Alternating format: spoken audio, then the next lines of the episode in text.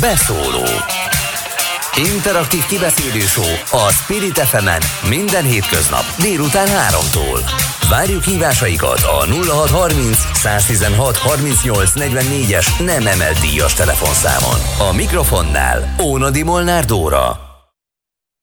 Szép délutánt kívánok Önöknek, köszönöm, hogy velem tartanak. Ma délután is természetesen az Ukrajna elleni orosz agresszióval fogunk foglalkozni. Nagyon sok szempontból járjuk körbe a témát. A magyarországi közmédia működésétől az Európai Unió meglepően gyors és egységes fellépéséig, de szólunk a menekültek helyzetéről és a háború kommunikációs aspektusairól is. Vágjunk rögtön is bele.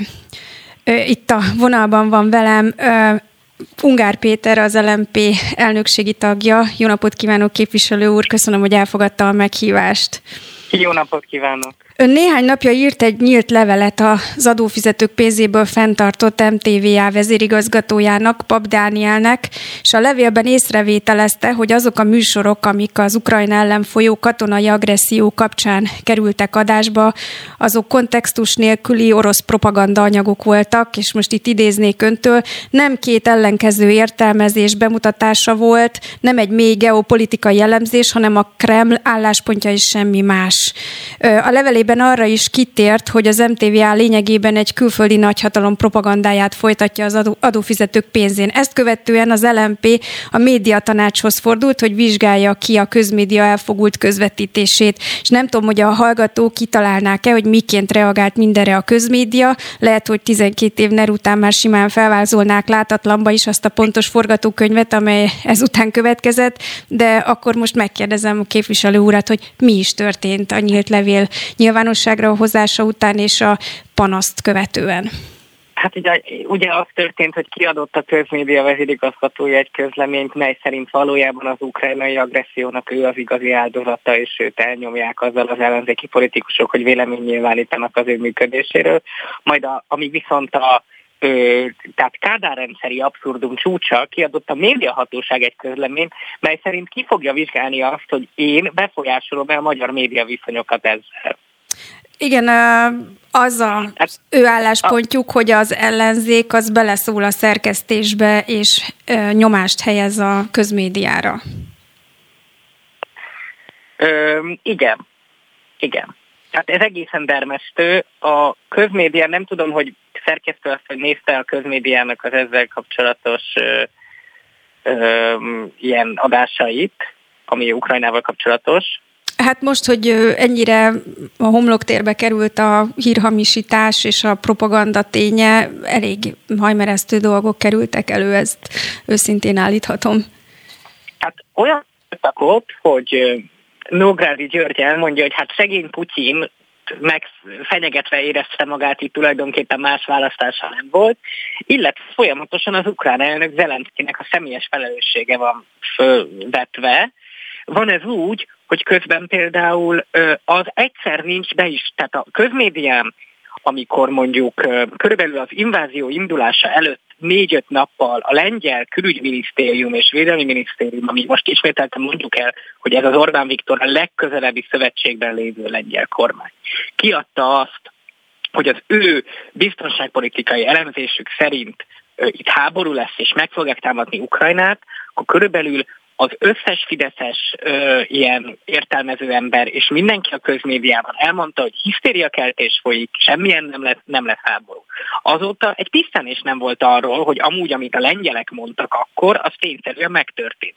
Most a lengyel miniszterelnök azt mondta tegnap előtt, hogy ő semmilyen garanciát nem lát arra, hogy meg fognak állni az ukrán határnál. Értelemszerűen ezt nem azért mondta, mert szerintem feltétlenül így gondolja, ebbe van a helyzet súlyosságát politikai bölcsámításból fokozó mondat is, de az például pár fideszes médiumba bekerült, de a közmédiában nem került adásba. Tehát olyan szelektíven értelmezik, és ez egyszerűen számomra érthetetlen is, hiszen miközben ez folyik közben a felszínen, a, mi pont most a rádióban is a bevágás volt, ahol Szijjártó Péter elmondta, hogy csatlakozunk, vagy csatlakozunk Ukrajna EU csatlakozását előkészítő országokhoz, valahol a felszínen próbálnak úgy tenni, mintha ők az egységes európai álláspontot képviselnék, és közben a mélyben pedig ugyanazt a putyini propagandát tolják, mint eddig. Ön szerint a három variáció közül melyik az igaz, hogy akik a közmédiában dolgoznak, ők megkapták már korábban az instrukciót, hogy az orosz irányt kell követni, de napi szinten maguktól gyártják a tartalmakat, vagy közvetlenül Moszkvából kapják az utasításokat, vagy a harmadik, hogy a magyar kormány instruálja őket napi szinten, és e, így szerkesztik a közmédia adásait. Ezt mindösszesen azért kérdezem, mert szerintem ez egy elég fontos kérdés, hogy a közhatalmat gyakorló kormány milyen szinten van benne az orosz propagandában. Szerintem ez ennél bonyolultabb, tehát nem tudom megjelölni egyik választ mhm, sem. Mhm. Szerintem az van, hogy itt emberek, akik a Fideszes médiagépezetben vannak, az elmúlt 12 évben ugye a nyugatfób pszichózisuk miatt olyan információforrásokból tájékozódnak, amik nem teszik lehetővé, hogy leszálljan, hogy egyszerűen kiszálljanak az orosz propagandából. Tehát annyi mindenben követték, meg meghallgatták, meg mondták. Tehát, hogy van egy tehetetlenségi erő van. is. Uh-huh. Egyszerűen nem tudnak kiszállni belőle. És azt meg nem lehet csinálni, hogy elfogadom az orosz propaganda értelmezését a világról, mely szerint a nyugat hanyatlik, ugye Putyin elnök úr ki is mondta tegnap, a nyugat az a hazugság birodalma, mm, értelemszerűen azt mondom, hogy nem lehet a nyugatot kritizálni, csak nem mindegy, hogy ez a kritikának milyen arányérzéke van. Tehát vannak ezek a nagy, ilyen, ilyen globális narratívákat, amit a mai napig követnek. Nem, tudod ezt, nem tudja az ember ezt úgy követni, hogy közben pedig nem mondja azt, hogy az ukránok népírtást követtek el a Luhanszki népköztársaságba. Tehát amikor a köztévé bemondta, hogy az ukránok népírtást követtek el a Luhanszki népköztársaságba, nem tette oda azt a félmondatot, hogy mert úgy szerintem le lehet, tehát én nem akarok így beleszólni, ezt le lehet hozni, ha utána az ember elmondja, hogy a Kreml álláspontja szerint, és de utána, amikor azt mondták, hogy az orosz csapatok civileket lőnek Harkiv mellett, akkor ott viszont már ott volt, hogy az ukrán kormány álláspontja szerint. Uh-huh. Ö, a köz, tehát valójában a médiahatóság lenne az a szervezet, ahol ugye e, ez ügyben be tudnának avatkozni. Mi egyébként szerettünk volna ö, elfogulatlan tájékoztatást adni, és önnel vitába hozni a médiahatóság képviselőit, valakit, de nem jelöltek meg senkit, sőt azt reagálták a megkeresésünkre, hogy nem kívánnak élni a lehetőséggel, úgyhogy ezen a ponton se sikerült az ő álláspontjukat megismerni. Minden esetre van még egy érdekes kanyar ebben az ön akciójában, hogy szerették volna lehozni az MTI-nél, a Magyar Távirati Irodánál az LMP LMP-nek azt a közlését, amelyben arról ír a párt, hogy a médiatanácshoz fordul Ungár Péter az elfogult közvetítések miatt, és a Magyar Távirati Iroda ezt a közlést megtagadta. Mire hivatkoztak? Hát arra hivatkoztak, hogy sértjük a közmédia jó hírnevét, nem tudom, hogy miért nem lehetne, ugye, tehát a politikai véleménynyilvánítás lényege, hogy néha sértsük a jó hírnevét dolgoknak, így elő-előfordul, tehát nem tudom, hogy, a, hogy az, az milyen alkotmányos szabályból következik, hogy a közmédia kritizálhatatlan, ezt, ezt nem értem. Hát azért mindannyian emlékszünk, amikor a korábbi kormányok által irányított közmédia volt, azért a Fidesz kritikus hangokat ütött meg, sőt bolykottálta is ugye a közmédiát abban a ha jól emlékszem, 2008 után volt egy ideig. Tehát, hogy azért ez valamennyire a demokratikus működés része, nem értem, hogy miért lenne kritizálhatatlan pont a közmédia.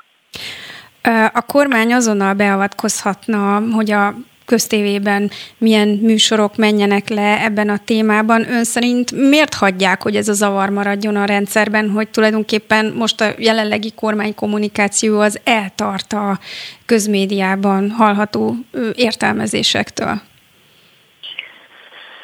Um,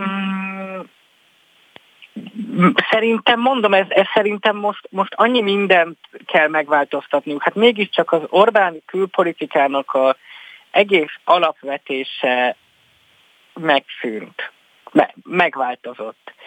Öm, Igen, de úgy tűnik, hogy a miniszterelnök viszonylag olajozottan hidalja át ezt a fordulatot, Igen, és a... ő olajozottan hidalja át, csak minden, ami alatta van, az rettentő nehezen mozdul meg. És azért én itt azt azért szeretném elmondani, hogy, hogy azt mondjuk ki, hogy például az, hogy Ukrajna NATO csatlakozását támogatja Magyarország, úgy, hogy eddig Ukrajnával szemben uniós csatlakozásáról beszélt. Uniós csatlakozását. Ez értelemszerűen önmagában szerintem nem egy, tehát nem ez a változás lényege mert, mert kitört egy háború. Tehát ezért ez mindenkinek a politikájába változtatott, az összes régiós országnál. Azért ez egy, hogy mondjam, egy, egy objektíven más szint, mint ami eddig volt. De az, hogy azt a mondatot, amit amúgy eddig is ki lehetett volna bármikor mondani, most mondja ki először a miniszterelnök, hogy minket csak a NATO tud megvédeni, ez azt jelenti, hogy a nyugati orientációnak ez a folyamatos kétségbevonása, ez nagyjából megszűnik most éppen. És ezt egyszerűen nem tudják lekövetni azok az emberek, akik beosztottja ennek a rendszert. És most ez okozza ezt a ö, zűrzavart a rendszerben. Igen. Ön egyébként ö, meg, meglepődötte, hogy a miniszterelnök ilyen gyorsan alkalmazkodott a helyzethez kommunikációsan? Nem, őszintén. Azért a miniszterelnök ö, látszik, hogy tulajdonképpen ő semmit sem gondol komolyan, tehát ezt, se gondolt, ezt az orosz orientációt se gondolta komolyan.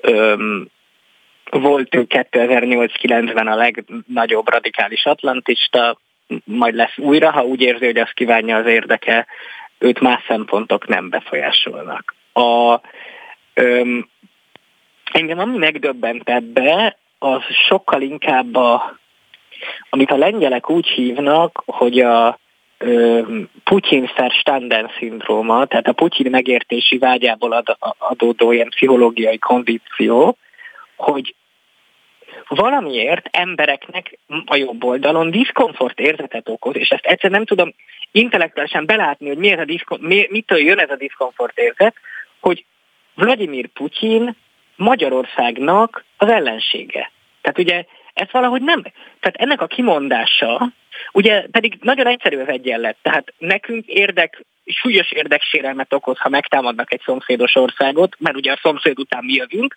aki ezt az országot megtámadta, az Vladimir Putyin, tehát Vladimir Putyin No pláne, hogy abban az országban magyarok is élnek. Ráadásul élnek még magyarok is, ergo Vladimir Putyin velünk egy ellenséges pozíciót foglal el. Ez nem egy, én nem érzem, hogy ebben nagy intellektuális erőfeszítés volt ezt végig gondolni. De ennek a kimondása, ez valamiért valami, valami rettentő diszkomfortérzetet okoz, és ezért mondják ezt a sok ilyen ilyen összemosó, értelmetlen összehasonlítást Koszovó NATO bombázásától elkezdve ö, a köztévé hazugságáig, hogy Ukrajnában hány amerikai fegyver van, azért, hogyha Amerika felfegyerezte volna Ukrajnát, akkor nem így állnánk, ahogy most állunk pontosan. Ö, a, a, a, a, minden, mindennek az összemosása ezért van, hogy ezt a belső lelki válságot, amit nekik ez okoz, ez, ennek a ténynek a kimondása, ezt próbálják meg elfedni. Visszakanyarodva egy kicsit a köztévé tájékoztatási szokásaihoz, mit tervez? Ezt lehet tovább vinni ezt az ügyet esetleg? Hol, hol, hol lehet ezt a panaszt tovább fele, felhangosítani?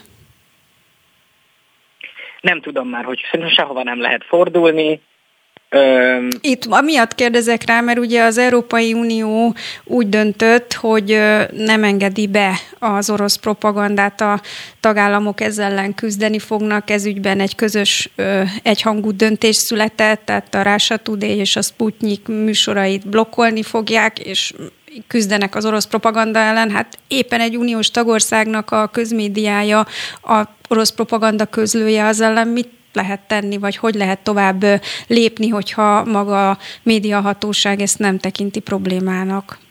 Amúgy nem, nem tudom, lehet észlelni, hogy az elmúlt napban, tehát amióta ez a, ezt az ellenzéki politikusok felvetették, sokkal kiegyensúlyozottabb a köztévé. No. Ezt szeretném elmondani. És amit még a rendkívül érdekes, hogy a hírtelevízió hírműsorai, tehát ami nem a nem a hírháttér műsor, ahol a Magyar Szocialista Munkáspárt különböző volt tagjai értelmezik Moszkva igazságát, hanem a rendes hírműsor, az szerintem, most nem akarok egy ilyen, tehát nem ez mint politikus a feladatom, hogy ilyen médiaértő legyek, de meglepően objektív. Tehát ott mindennek a forrása meg van nevezve, és nagyon öm, tehát ha, ha szerkesztő azt, hogy megnézi, szerintem alapvetően értelemszerűen a belpolitikai hírek, Fidesz propaganda, de az ezzel foglalkozó hírek nem olyanok, mint amilyen a köztévé volt, és ez is számomra nehezen érthető. Sokszor mondják, és ön is utalt arra kommunikációjában, hogy ki lehetne váltani a orosz gázfüggésünket más energiahordozóknak a igénybevételére. Ez mennyire reális esély, hogy a következő egy-két évben megtörténjen, hogy a, az orosz gázfüggésből egy kicsit függetlenedjen Magyarország? Szerintem öm, rövid távon értelemszerűen ez nem megoldható. De az elmúlt 12 év, amíg Orbán Viktor kormányzott, azért az középtávnak már nevezhető. Középtávon nagyjából ezt nem sikerült mérsékelni sem. Értelemszerűen a Paks 2 bővítés, amiben orosz fűtőanyaggal fogunk orosz technikával fűteni egy erőművet, szintén nem a függetlenség záloga. Én szerintem én, azt, én persze ebbe belátó vagyok, hogy nem gondolom, hogy az alternatív energiára öt éven belül át lehet átni 100%-ba, de azért szinte minden ország előrébb tart ebben már. Környező országról beszélek most, mint mi. Szerbiának nagyobb a szélenergia kapacitása, mint Magyarországnak. És ez nem azért van, mert eltérő földrajzi adottságaink vannak. Tehát én azt mondom, hogy azért az alternatív energiát, ha földinném 30-40 százalékra, azért az már az már egy más kontextus jelentene ebbe. Gázt is lehetne máshonnan szerezni az oroszokon kívül? Hát gáz van máshol, de, de nem, nem, tehát valójában nem. Valójában Tehát amikor azért így Orbán Viktor... Így pontos, amit mondok, olcsón nem. Orbán Viktor így óvatosan fogalmaz Putyinnal kapcsolatban, ugye ő volt az utolsó Európai Uniós kormányfő, aki agresszornak nevezte Putyin, tehát már mindenki elítélte a háborút, amikor végül is Orbán Viktor is megszólalt, hogy fél esetleg attól, hogy egyik pillanatra másikra elzárja a gázcsapot, akkor ez egy jogos félelem. Vagy ön szerint ez át, valahogy politikailag mégiscsak kezelhető lett volna az elmúlt években? Tehát, hogy itt hibát... Öm, szerintem, de hát nem, nem így, hát minden, egész Európa függ az orosz gáztól. Hát a németekre ez, ugyanígy érvényes ez persze, a kérdés. Persze, és mégis kimondták. Sőt, hát ugye ez egy kétoldalú dolog azért. Értelemszerűen nekünk nem jó, mert nincs fűtésünk, ami azért egy elég jelentős probléma. De hát, hogyha leállítja Oroszország a gázszállítást, főleg a jelenlegi gazdasági helyzetében Európában, az egy államcsőd állapot. Hát nekik tehát ez egy olyan zsarolási nagy... potenciál, amiben megengedhetetlen, hogy adott esetben egy kormányfő hát nagyon karakteresen szólaljon meg, hogy úgy mondjam, szokták mondani ugye az érvelők, akik a, az Igen, Orbáni de, álláspontot de mind a két védik. oldalra megy valamennyire, tehát Oroszországnak se jó, hogyha leállítja a gázszállítást, és nem kap érte pénzt. Mhm. tehát itt azért ez is van.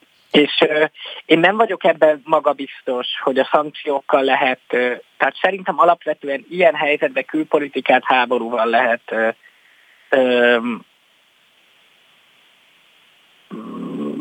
így mondani. Uh-huh azt nem érzi esetleg, hogyha az ellenzék most nagyon erősen ö, rajta van, hogy a Paks 2 szerződés ö, felmondása a orosz befektetési bankkal kapcsolatos ö, kritikáknak a napirenden tartása, hogy ez egy biztonságpolitikai kockázatot okozhat Magyarországnak? Nem gondolom, hogy a Paks 2 leállítása bármilyen szinten biztonságpolitikai ö, kockázat lenne, hiszen a Paks 2 még semmi nincs ben, belőle. Azoknak a kritikusoknak a véleményét idézem itt, akik azt mondják, hogy most úgy tűnik, hogy Putyin belelavírozta magát egy nehezen megállítható lavinába, megy, e, ennek van már egy tehetetlenségi ereje, és hogy amikor atomfegyverrel fenyegetőzik, akkor jobb olyan kijelentésekkel megoldani a diplomáciában a kommunikációt, amelyben nem húzogatják az oroszlán bajszát. Én még nem pontosan értem itt az oroszlán bajszának a húzogatását. Tehát a putyini beszéd, amiben bejelentette Ukrajna invázióját, egy nagyon hosszú kétórás beszéd, én azóta ezt újra is olvastam, voltak benne állítások, melyek értelemszerűen történelmi tények, sőt, még olyan orosz ö, szempontból megfogalmazott ö, kritikák, amiket akár jogosnak is lehet tekinteni, tekinteni, mely szerint például a 90-es évek elején a nyugat tönkre akarta tenni az orosz gazdaságot, bla, ezek mind lehet, hogy igazak, de öm, Ukrajna államiságát illegitimnek nevezte. Most és azt mondta, ez most minket, hogy érdekel, vagy nem, az mindenkinek az ízlésével bízom. Majd azt mondta, hogy a NATO 1997-es bővítése alapjaiba sértette Oroszország érdekeit. De most az, mi arról a bővítésről mi döntöttünk. Az a magyar nép szuverén döntése, ami arról szól, hogy a NATO fogja nekünk a biztonsági garanciát adni. Aki ezt kétségbe vonja, az kétségbe vonja Magyarország szuverenitását. Én nem látom, hogy mi mit tudunk erre mondani, hogy, hogy oké, okay, vagy hogy jaj, bocs, hogy így döntöttünk. Tehát mi, mi erre a én, ez aki azt mondja, hogy ne húzogassuk az oroszlán bajszát, az úgy tekint, mintha mi hisztérikusak lennénk, akik azt mondjuk, hogy Putyin, Or- Putyin Magyarország ellensége, csak akkor mi a nem hisztérikus válasz arra, hogy ő azt mondja, hogy a 97-es bővítés sértette Oroszország érdekeit. Az, az a józan válasz, hogy nem mondunk erre semmit? Világos, Úgy, hogy közben, közben, közben lövik a szomszédországot, tehát tehát én is olyan voltam, és én is rengeteg szeret, nekem ő. Van nagyon sok lengyel ismerősöm, és nagyon sokat vitatkoztunk erről. Én is sokszor őket hisztérikusnak tartottam, meg ilyen történelmi öm, felgyülemlet dühből adódó álláspontot, de azért kezd belátod egy olyan kormánynál, aminek én ráadásul ideológiailag sok szempontból rendkívül rossznak tartom, tehát az abortusz tilalomtól elkezdve sok, sok szörnyűséget csináló lengyel jobboldali kormánynak ebben sajnos igaza volt. Ki kell mondanunk, hogy az Oroszországgal kapcsolatos helyzetelemzésében az elmúlt tíz évben nekik volt igazuk. Úgyhogy nem tudunk mást mondani, mint ők. Nagyon szépen köszönöm Ungár Péternek, az LNP elnökségi tagjának, az LNP országgyűlési képviselőjének, hogy velünk volt és mindezt elmondta. Köszönöm szépen. Köszönöm szépen, és közben itt van velünk a vonalban Földes András, a Telex tudósítója. Szervusz! Akkor hallasz minket? Én egyelőre hallak. Ö, Remélem, hogy biztos marad a kommunikáció. Köszönöm, hogy rendelkezésünkre állsz ebben a zaklatott helyzetben. Most hagytátok el Kievet, jól tudjuk? Nagyon jók az információitok. Igen, egy órája hagytuk el a fővárost, egy zsúfolásig telt vonattal haladunk most Jofián a román határ irányába. Kikkel utaztok? Beszéltetek-e a, a, azokkal, akik felszálltak szintén a vonatra? Ők mind menekülők? Hogy néz ki most ez a helyzet? Igen, gyakorlatilag a kievi lakosokkal van tele a vonat, azok a főleg nők, gyerekek, idősek és néhány 18 év alapjának tűnő párt, akik ugye a fenyegető helyzet elől próbálnak az ország nyugodtabb vidékeire menekülni. Legutóbbi, igen? Igen, tehát hogy, hogy lehet látni, hogy az egésznek van egy menekülés hangulata, ha nem is, a hang, nem is az emberek hangulatában, hanem ahogy a vonat kinéz, többszörösen annyi ember utazik most, mint a hány hely van, tehát a folyosó, a összekötő helységek, a WC-k is gyakorlatilag tele vannak emberrel, mindenhol ülnek, állnak az utasok. Mit, és mit érzel rajtuk, hogy félelem van bennük, apátia van bennük, remény van bennük? Mi, mi a benyomásod? Az ember otthonról azt gondolná, hogy ilyenkor mindenki gyakorlatilag egy ilyen konstans pánikban van, de amit tapasztalunk az inkább az, hogy az emberek, ahogy említetted, apatikusak, vagy egy kicsit fatalistás, tehát beletörődően azt mondják, hogy ez van, akkor most így kell cselekedni. Nagyon sokan egyébként nem mostani, hanem előző tapasztalataink alapján, interjúink alapján mondhatom, hogy, hogy egészen derülátóak, tehát nagyon sokan beszélnek arról, hogy, hogy uh, hamarosan győzelem várható, a, az oroszokat vissza fogják verni, és nem is olyan távoli jövőben újra béke lesz az országban. Tehát van ez a fajta számunkra egy kicsit uh, naívnak, vagy, vagy legalábbis meglepőnek tűnő derülátás is az emberekben, de pánik Mert láttam a tudósításotokat, ami nemrég került fel a Telex honlapjára, hogy nem volt tülekedés a kenyérért, bár hosszú sorok voltak, de hogy fegyelmezettek az emberek. Honnan lehet ez a lelki erő bennük? Erre magyarázatot én sem tudok, de ugyanezt tapasztaltuk most egyébként az állomáson is, ahol tulajdonképpen már nincsen menetrend, nem lehet tudni, hogy mikor indulnak vonatok és milyen irányban, nagyon sokat kell várni, az emberek reménykednek, különböző irányokban hömpölyög a tömeg, ami teljesen megtölti a pályaudvar, de még sincs agresszió, még sincs lögdösödés, hogy ezt honnan merítik ezt a lelki erőt, azt nem tudom, de nagyon tanulságos és nagyon meglepő az élmény. Nagyon szépen köszönöm Földes Andrásnak, a Telex tudósítójának, hogy ö, kicsit megmutatta nekünk, hogy mi a helyzet azon a vonaton, ahonnan most éppen ö, bejelentkezett sok kievi ö, menekülővel együtt utaznak el a városból. Köszönöm szépen, hogy velünk voltál, és segítettél megérteni a helyzetet. Én köszönöm. Önöknek meg azt szeretném mondani, hogy maradjanak velünk, nem sokára folytatjuk. Beszóló Interaktív kibeszélő a Spirit fm minden hétköznap délután 3-tól. Várjuk hívásaikat a 0630 116 38 44-es nem emelt díjas telefonszámon. A mikrofonnál Ónadi Molnár Dóra. Köszönöm, hogy velem tartanak, és folytatjuk az Ukrajna elleni orosz agresszió következményeit, a helyzet elemzését. Itt a vonalban itt van velünk Hegedűs István, a Magyar Európa Társaság elnökkel. Köszönöm, hogy elfogadtad a meghívást. Én köszönöm a meghívást. Hát, mintha 20-30 évet megspórolt volna az Európai Unió fejlődésében az, hogy Oroszország háborút indított Ukrajna ellen, mert olyan dolgok történnek, hogy csak kapkodom a fejem. Ezek korábban elképzelhetetlenek voltak. Vasárnap az Európai Bizottság elnöke Ursula von der Leyen újabb szankciókat jelentett be tehát nem csak gazdasági szankciók vannak már, hanem mindenféle más típusúak is. Letiltják az orosz propagandát szerte a tagállamokban, vagy például okáért hozhatnám még azt, hogy leállítják a, a exportot, acélexportot, vasexportot a Belorusszia felé is, mert hogy Fehér Oroszország is ugye azáltal, hogy támogatja a háborút és beavatkozik, ellenségnek tekinthető, és az EU történetében először pénzügyi segítséget nyújt fegyverek vásárlására és szállítására, hogy segítsék Ukrajnát. Szóval olyan dolgok történnek, amelyek nagy egységről tanúskodnak, egy közös Európának a, az erős fellép fellépéséről tanúskodnak. Ez kellett ahhoz, hogy ez felgyorsuljon ez a folyamat, vagy korán sem vagyunk ennek a folyamatnak a, a végén, hanem ez most egy krízis helyzet, amelyben jól működik az Európai Unió.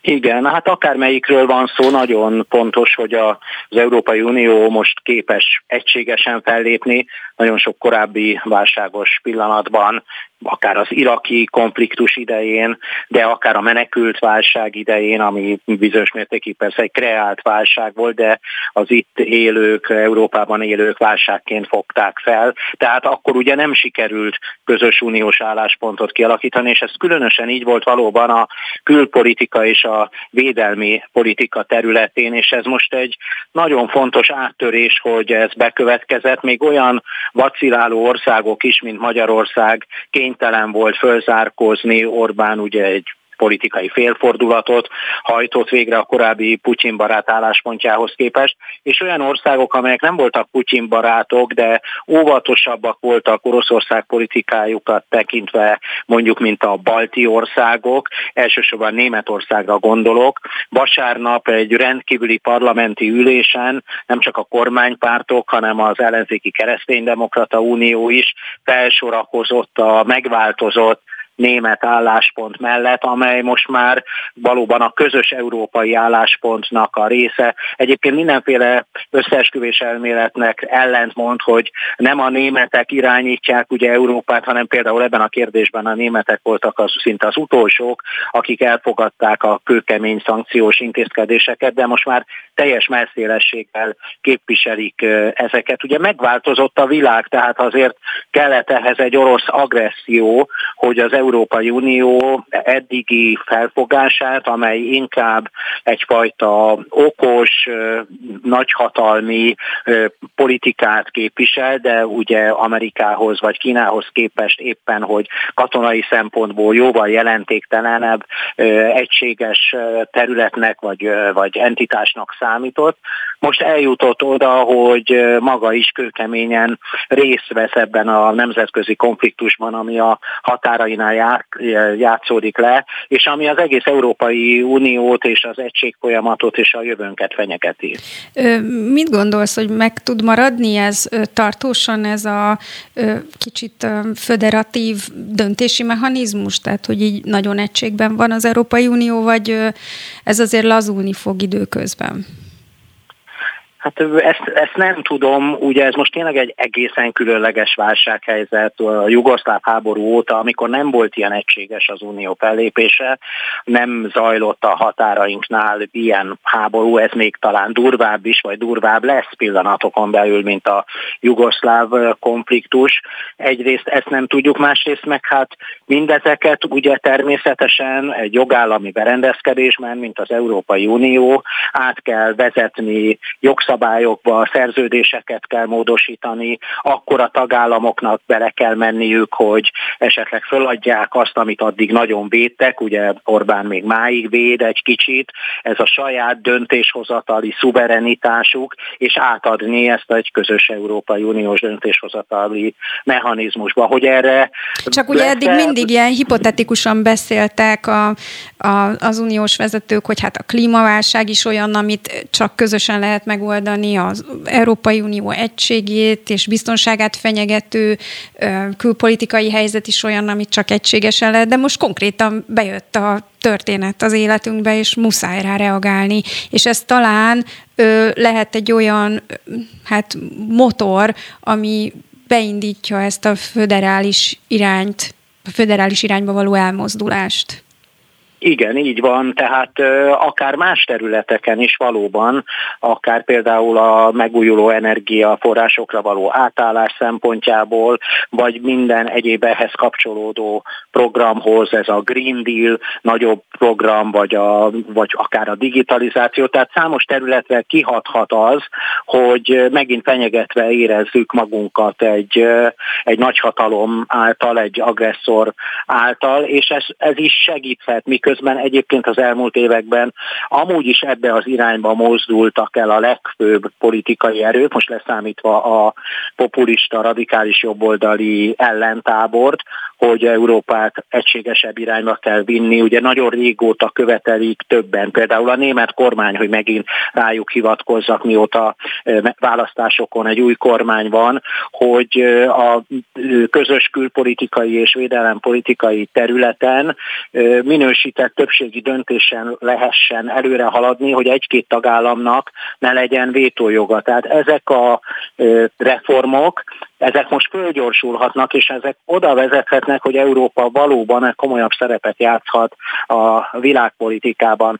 Talán annyit hozzátennék, hogy persze vannak, akik úgy gondolják, hogy mindez kevés, az Európai Uniónak sokkal jobban be kéne avatkoznia, ugyanezt gondolják néhányan, vagy viszonylag sokan a NATO kapcsán, de ugye hát itt van ugyanaz a dilemma tulajdonképpen, amit mi jól ismerünk a történelemből, hogy 56-ban sem jött a nyugat ugye katonai erővel segíteni a magyar felkelőknek, sőt akkor még fegyvereket sem szállítottak, most ezért egy más helyzetben ezt megteszi az EU és valamennyire a NATO is, tehát amit lehet segít az ukrán felkelőknek, ukrán ellenállóknak, de nem lehet most sem úgy beavatkozni, ahogy sokan szeretnék, mert az tényleg olyan kiszámíthatatlan katonai konfliktushoz vezetne, amit, amit nem akarunk, és ugye Ukrajna Most egy formális, de mégis fontos érvet mondok, nem tagja a NATO-nak vagy az Európai Uniónak. Nyilván más lenne a helyzet,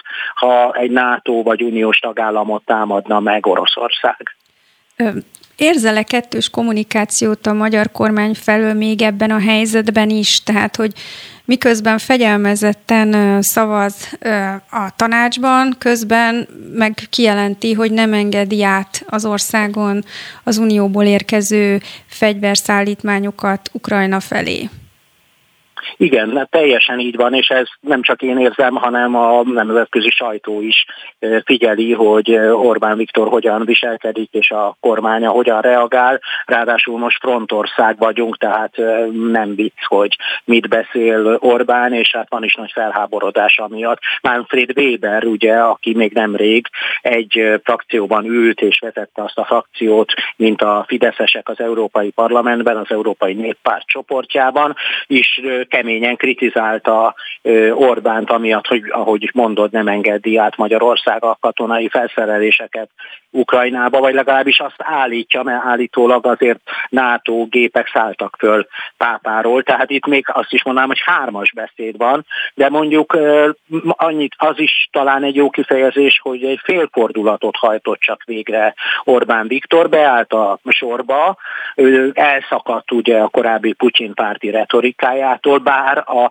kormánypárti média egy része nehezen veszi észre, hogy új vonal van, és lassan követi a fejleményeket, tehát még ide is, meg oda is játszanak, de valóban ez a félfordulat, ugye amikor Orbán azt mondja, hogy most egységesen kell cselekedni, és nem kell okosnak lenni, ezt úgy is értelmezhetjük, hogy ő szeretne okosnak lenni, és ő tudna mást is mondani, de hát ugye itt vannak a többiek, és hát most csatlakozunk hozzájuk vészhelyzetben, de valójában nem ez az igazán okos politika, de hagyjuk most egy pillanatra. Szóval még ez a fajta csavaros szöveg is mutatja, hogy nem arról beszél, hogy úgy ítélni el Putyint, agresszornak nevezni, kőkeményen kritizálná Oroszországot, mint az összes többi szomszédos ország teszi, még beleértve ezt a furcsa köztársasági elnököt, a cseh köztársasági elnököt, Zémant, aki most százszázalékosan átállt a Putyin ellenesek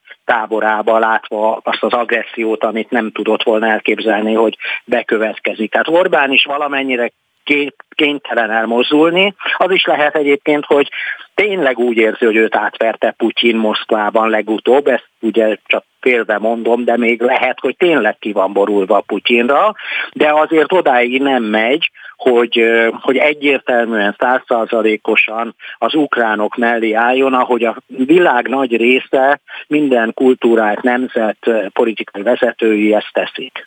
Ö- Hétfőn nyolc ország, Bulgária, Csehország, Észtország, Lettország, Litvánia, Lengyelország, Szlovákia és Szlovénia közös nyilatkozatban fejeztek ki, hogy támogatják az azonnali EU-s csatlakozás engedélyezését Ukrajnának. Ehhez csatlakozott most Szijjártó Péter a mai napon. Ez azért egy elég erős kiállás Ukrajna mellett. Igen, hát ugye megint azért az kérdés, hogy miért nem volt az eredeti csapatban Magyarország, mintha ez is mutatná, hogy elszigetelődött az Orbán rendszer, és most próbálnak visszakapaszkodni, és utólag csatlakoznak ehhez a nyilatkozathoz. Kicsit másképp is fogalmazva, tehát az azonnali felvétel helyett, ha jól értettem, valamilyen fokozatosságra utalnak, ami egyébként nem biztos, hogy téves megfogalmazás, hiszen nem lehet valaki egyik a másikra az Európai Unió tagja, ezt mi is jól tudjuk, tehát nem lehet megspórolni minden tárgyalást. És, De hát, és hogy elindulhatnának a csatlakozási tárgyalások, az egy nagyon nagy előrelépés lenne azért. Így van, így van. Tehát Ráadásul, valóban, hogy az... az Európai Bizottság elnöke most ezekben a napokban nyilatkozott is arról, hogy Ukrajnának Európában a helye. Igen, hát egyébként ilyesmit már nyilatkozott az Európai Unió megfelelő intézménye, a tanács, meg a parlament is, tehát ez az, ez az Európai Uniós perspektíva, ez, ez már adott volt Ukrajna erőt, csak minden konkrétum nélkül. Most az a kérdés, hogy valóban hamarosan elindulhatnának-e, ha Ukrajna megmarad, ha ez a kormány megmarad, azért van egy csomó ha, de ennek nagyon drukkoljunk, hogy így legyen, akkor most már tényleg el kellene kezdeni a csatlakozási tárgyalásokat, ami üzenet az oroszoknak is, hogy nem adjuk föl azt a reményt és azt a célt, hogy Ukrajna teljes jogú Európai Uniós tagállamá váljon, belátható időn belül, és nem a távolabbi időbe eltolva. Tehát előbb-utóbb, vagy akár azonnal el kell kezdeni a csatlakozási tárgyalásokat. Valószínűleg ez a, ami kivitelezhető, és egy felgyorsult történelmi helyzetben ennek a követelése valóban reális most már. Nem érzed-e úgy, hogy az Európai Unió is egy picit azért még megtartotta a kettős beszédet, vagy a kettős cselekvést, hiszen nagyon fontos gazdasági szankciókat jelentett be, amelyek közül talán az egyik legfontosabb, hogy a, lekapcsolják a fontos orosz bankokat a nemzetközi fizetési hálózatról, erről a SWIFT-ről, ugyanakkor az egységes szankciók nem érintik az energia területét. Tehát, hogy azért itt... Igen, hát nehéz ezt megítélni, ugye van egy olyan érv, hogy még, még legyen valami a tarsolyban, ha a dolog, dolgok tovább durvulnak, és Putyinnak még szintén talán maradhat egy pici mozgástere tudva, hogy még újabb, durvább szankciók is jöhetnek. Volt egy ilyen ér két-három nappal ezelőtt, lehet, hogy ez már nagyjából a múlté, de a másik az, hogy hát az a szempont, hogy ne omoljon össze teljesen mondjuk egy-egy uniós tagállam energia ellátása, hát én ezt nem gondolom, hogy ez ördögtől való felvetés, tehát ezeket is lehet mérlegelni, hogy maguk a szankciók ugye kétélű fegyver, ahogy szokták mondani, és vissza is üthet. Tehát én azt tartom fontosnak, hogy az elmúlt napok folyamata az azt mutatja, amivel kezdtük, hogy azok az országok is, amelyek elsősorban a, attól féltek, hogy a saját gazdaságukra visszaütnek a szankciók, beálltak a sorba, egyébként ugye Magyarország is kényszeredettem, és még mindig van néhány terület, ahol lehetne kicsit szorítani az intézkedések súlyán, erején, Hát én, én nem gondolom, hogy ez kettős játék, hanem ilyenkor hát szakmailag is meg kell nézni, hogy mit lehet csinálni, mit érdemes, meddig kell elmenni, milyen mozgásteret adni az ellenfélnek, ezúttal most már talán ellenségnek nevezhetjük Putyint. Tehát ez egy diplomáciai játék is. Nem gondolnám, hogy az Európai Unió most gyengeséget vagy bizonytalanságot mutat, hanem ahol, amivel kezdtük, kőkeményen lép föl és egységesen, ami sokkal komolyabb siker, mint mondjuk pár héttel ezelőtt gondoltuk volna. Hát én is ezzel kezdtem a kérdéseimet Igen. hozzád. Úgyhogy köszönöm szépen, hogy itt voltál velünk. Hegedűs Istvánt, a Magyar Európa Társaság elnökét hallották. Köszönöm, hogy elfogadtad a meghívást. Én és köszönöm, sziasztok! Szia, minden jót! És közben itt van a vonalban velünk egy hallgató, de ha jól látom, akkor nem egy sima hallgató, hanem a Mi Hazánk mozgalom vezetője Nagy Attila. Jól látom? Igen, igen, hát annyiban nem a vezető, budapesti elnöke, budapesti illetve most elnöke. már nem régóta képviselőjelöltje is. Jó napot és kívánok! Jó napot kívánok, és félfülel hallottam itt a beszélgetést. Időközben megtudtam, hogy Hegedűs István az ön beszélgető partnere, és igazából tőle szeretném megkérdezni azt, de akár a jelenlegi ballégbárális pártokat is megkérdezném, hogy amikor az USA indított hasonló hadjáratot, illetve véres háborúkat, akkor nem emlékszem, sőt nem is történt, egyértelműen nem történt hasonló jellegű tiltakozás se, a sportolók visszavonása, kinemállása, ugye a válogatott szinten, akár a teniszezőknél is a bizonyos orosz versenyzők eltiltása. Tehát hogy milyen különbségeket tudna megmagyarázni Hegedűs úr abban, hogy az amerikai hadjáratoknál csöndbe maradtak, most meg ugyanezt nem teszik. Úgyhogy várom szíves válaszát. Köszönöm. Hát, hogyha legközelebb beszélünk velem, megkérdezzük, de most minden ja, esetre. Ja, nagyon koncentrálnánk arra, hogy a, éppen aki most áldozat ebben az agresszióban, az most ugye Ukrajna, igen. és hogy rájuk igen, koncentráljunk, igen. és az, ezt a helyzetet elemezzük, de a igen, kérdést igen, hát akkor majd eljuttatjuk hozzá. Amerika bombázta Belgrádot, akkor ugye Jugoszlávia volt az áldozat, de hát a, a, áldozat volt ugye Afganisztán is, áldozat volt Irak is. Köszönjük szépen, uh, akkor, hát, akkor ezt eljuttatjuk mi hozzá. Köszönjük szépen. Köszönöm szépen. Viszont hallásra. Viszont hallásra. És közben itt van velünk a, a telefonban Kismárió, a Mindenki Magyarországon mozgalom Róma képviselője. Szervusz Márió! Szia, szia, szia Dóri! Köszönöm, hogy elfogadtad a meghívást, és azért gondoltam, hogy megkérdeznénk az adásban a véleményedet, mert te több napja kint vagy a határon, és figyeled a menekülőket, beszélgetsz velük, sok kárpátaljai roma család is elhagyta az otthonát, elhagyni kényszerült az otthonát. Hogy látod, hogy az ő helyzetük mennyiben nehezebb, ha nehezebb, mint a nem roma menekülőké? Köszöntöm én is a hallgatókat. Én azt tapasztalom, most már ötödik napja lent vagyok a határon, és azt tapasztalom, hogy, hogy a Kárpátaljáról érkező roma családok nem tudnak hova menni, és több napja itt rostokolnak a, a vasútállomáson, és, és nem tudnak, nem tudnak hova menni. Most lett egy, egy, egy megoldást, amit a Karácsony Gergely főpolgármester úr ajánlott fel, hogy most be tud fogadni 50 kárpátaljai romát, és ezt most számozzuk a, a percekben, hogy elinduljanak az emberek Budapestre. A kormány hivatalos közlése szerint csak azért alakult ki olyan helyzet, hogy a családok nem mozdultak néhány napig a helyükről, mert még nem jöttek értük a rokonok. Az azt jelenti, hogy az ő értelmezésükben, hogy nem magukra vannak hagyva ezek a családok, hanem egyszerűen még nem találkoztak össze a családtagok. Ezek szerint, ahogy te mondod, nem ez a helyzet, hanem valójában nincsen ellátás, amit igénybe tudnának venni. Igen, igen. A kormány kiadott most egy közleményt, hogy nincsen joghézag, mert ugye a háborús menekülteket befogadja Magyarország, ez így is van, viszont mi hiányoljuk az állam, az állam részvételét itt a, a határokon, és a szociális érzékenységüket és segítségüket, mert hogy hogy értsék a, a hallgatók is, több napja itt vannak családok, itt alusznak a vasútállomáson, és senki, a bevándorlási hivataltól se kérdezi meg őket senki, hogy, hogy hova szeretnének menni, nem kapnak információt, a szeretett szolgálat nyújt nekik itt uh, szendvicset, meg vizet, hogy ezen kívül az állam részéről semmilyen segítséget nem kapnak. Tehát uh, így van, hogy ugye ők leginkább magyar állampolgárok is, ezért ugyanazok a jogok illeti meg, mint a többi magyar állampolgár, viszont nem tudják, hogy hogyan ö, működik Magyarországon a közigazgatás, ezért nem tudnak intézkedni, hogy, hogy, ö, hogy, hogy kapjanak ö, bármiféle segítséget a, az államtól. Érzékeled azt, hogy diszkrimináció éri őket a roma származásuk miatt? Tehát, hogy a befogadó szervezetek, esetleg intézmények azért nem foglalkoznak velük, mert ők romák?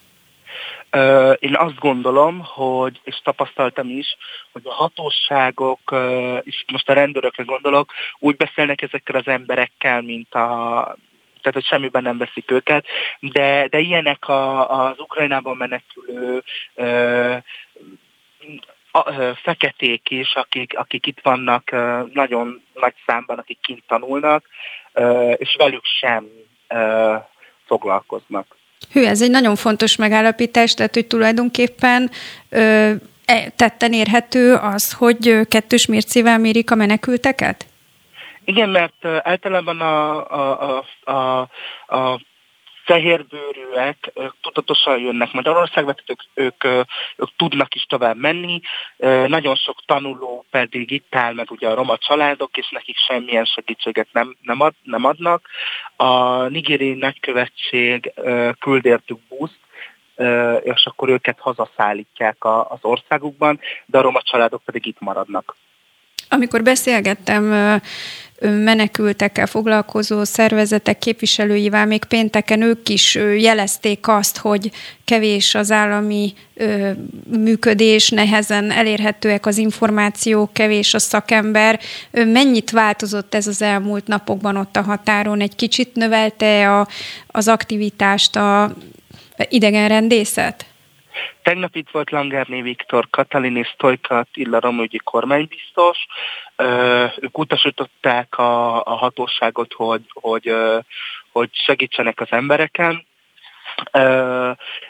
Ez este talán érzékelhető volt, este elszállították őket, megnyitották a, a legközelebbi iskolát, ott ugye el tudták őket szállásolni. Ma reggel már ebből nem volt érzékelhető semmi. Tehát ugyanúgy ment minden, mint, mint korábban. Uh-huh. Kismáriónak, a Mindenki Magyarország a mozgalom Szabolcs-Szatmár Bereg megyei roma politikusának nagyon köszönöm, hogy megosztotta tapasztalatait, tapasztalatait és jó munkát kívánok ott a határon. Minden jót! Minden jót! És mi pedig egy kis szünetet tartunk, és folytatjuk a ukrán helyzetnek az elemzését a következő órában is maradjanak velünk. Beszóló Interaktív kibeszélő a Spirit fm minden hétköznap délután 3-tól.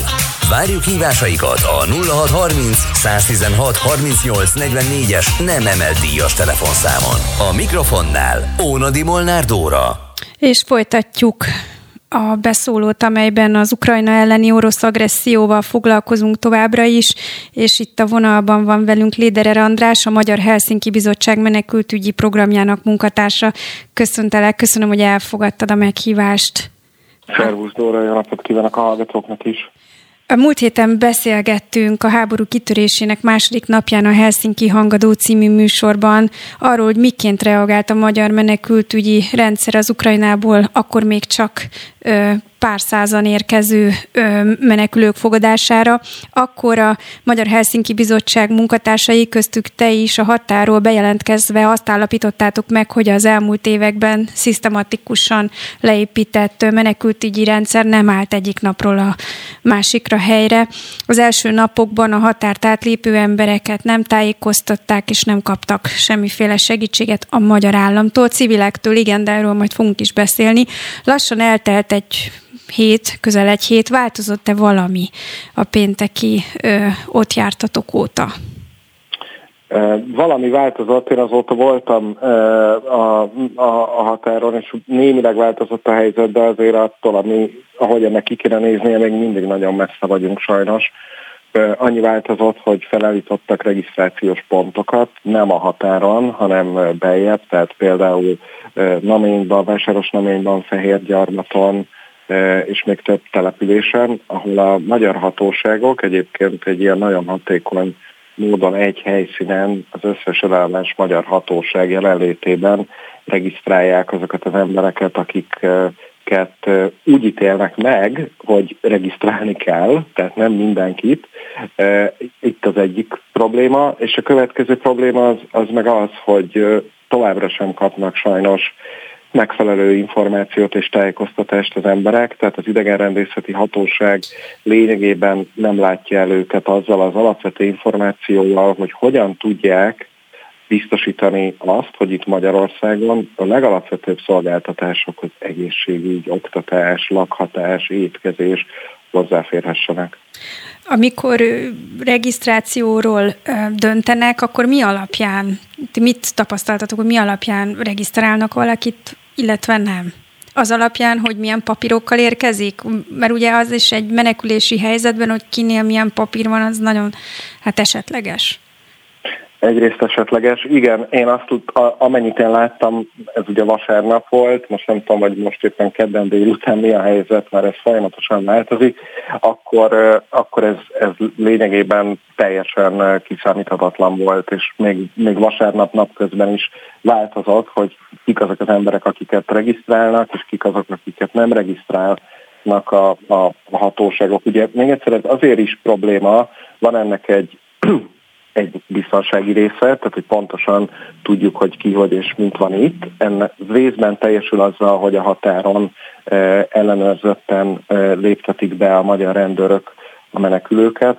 Ugyanakkor van egy másik része ennek a problémának, és ez pedig az, hogy lehet, hogy valakinek egyébként teljesen rendben vannak a papírjai, tehát mondjuk érvényes, biometrikus ukrán útlevéllel rendelkezik, az ilyen emberek békeidőben is 90 napot minden további nélkül tartózkodhattak a Schengen élvezetben, csak hogy most ezek az emberek nem városnézni jönnek, és majd hazamennek egy pár nap múlva az otthonukba, hanem menekülnek. És ezért lenne szükséges őket regisztrálni, és a, ahhoz az eljáráshoz, amit nagyon helyesen megnyitott a magyar kormány múlt héten csütörtökön a menedékes eljárás intézményéhez, hozzá tudjanak férni. Ehhez muszáj, hogy megfelelő információval rendelkezzenek, és ott be tudjanak regisztrálni. Ez az, ami még így tűnik, hogy hát nem igazán működik flottul.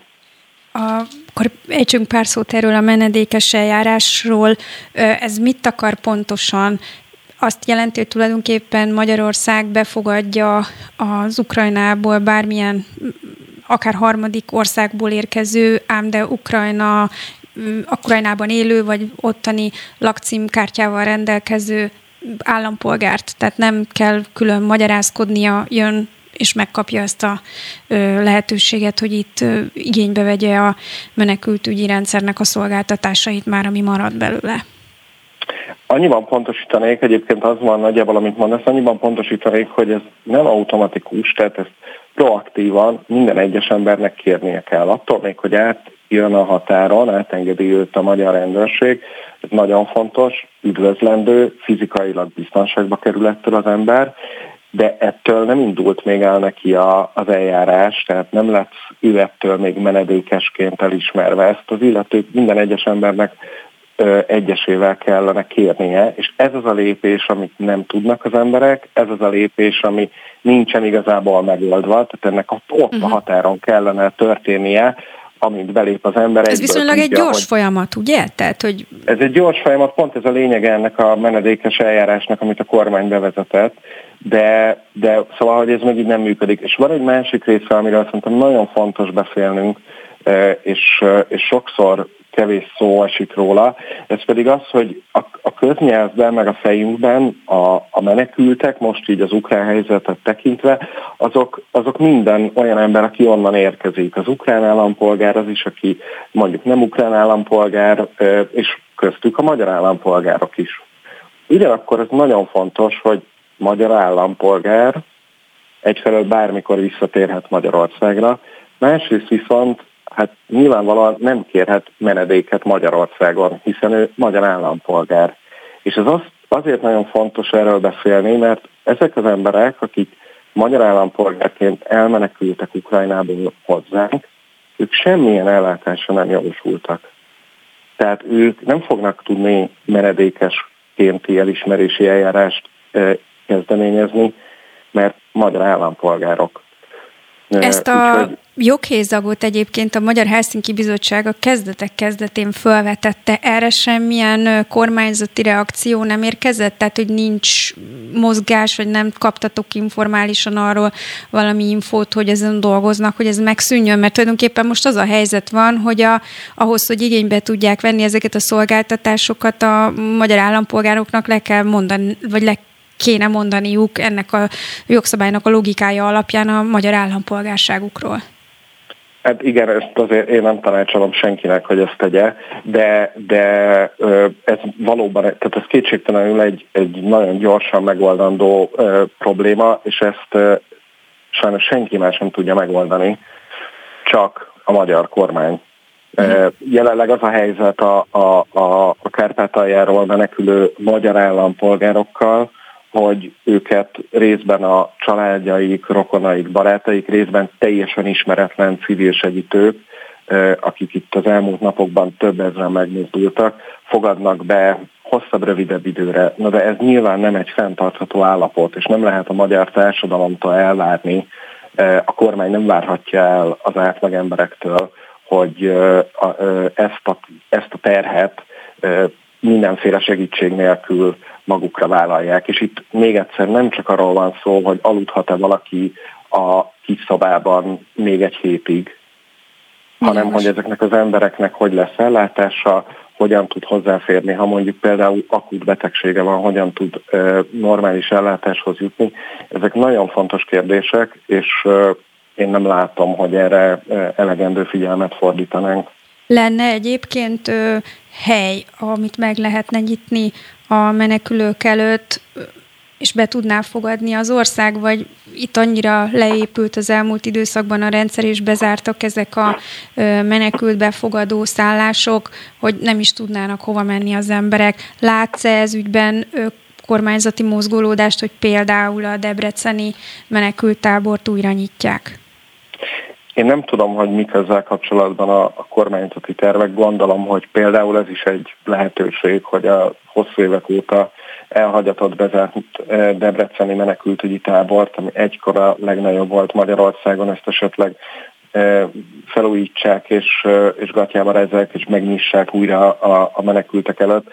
Nyilván feltételezem, hogy vannak erre különböző tervek és elképzelések. Nyilvánosan én ebből nem láttam. Csak mert most semmit. pont beszéltünk pár perccel ezelőtt Kis Márióval, a Mindenki Magyarország a mozgalom roma képviselőjével, aki arról számolt be, hogy Záhonyban roma családok alszanak napok óta, és semmi info arról, hogy hova tudnának menni.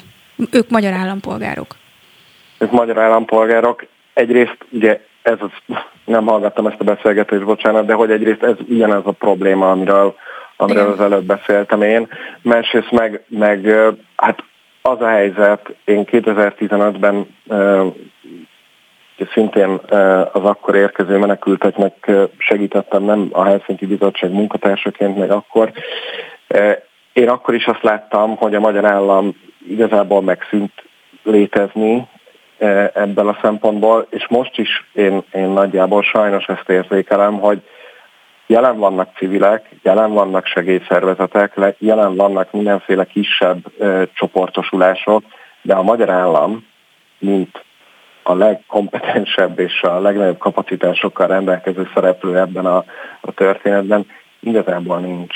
És remélem, hogy ez változni fog, most már azért eltelt ö, lassan egy hét, de nyilvánvalóan nem lehet azt hagyni, hogy, hogy emberek a pályaudvaron kelljen, hogy, hogy télvíz idején gyerekekkel pláne napokat töltsenek el. Viszont ez is egy olyan kérdés, amit leginkább a kormánynak nem csak hogy az ő felelőssége, de egyszerűen tényleg neki van arra kapacitása Magyarországon, hogy ezt kezelni tudja. Pénteken, amikor Orbán Viktor ott járt a határ mentén, akkor abból a sajtótájékoztatóból úgy tűnt, hogy ő egyeztett ott a környék polgármestereivel, és hogy minden szervezett.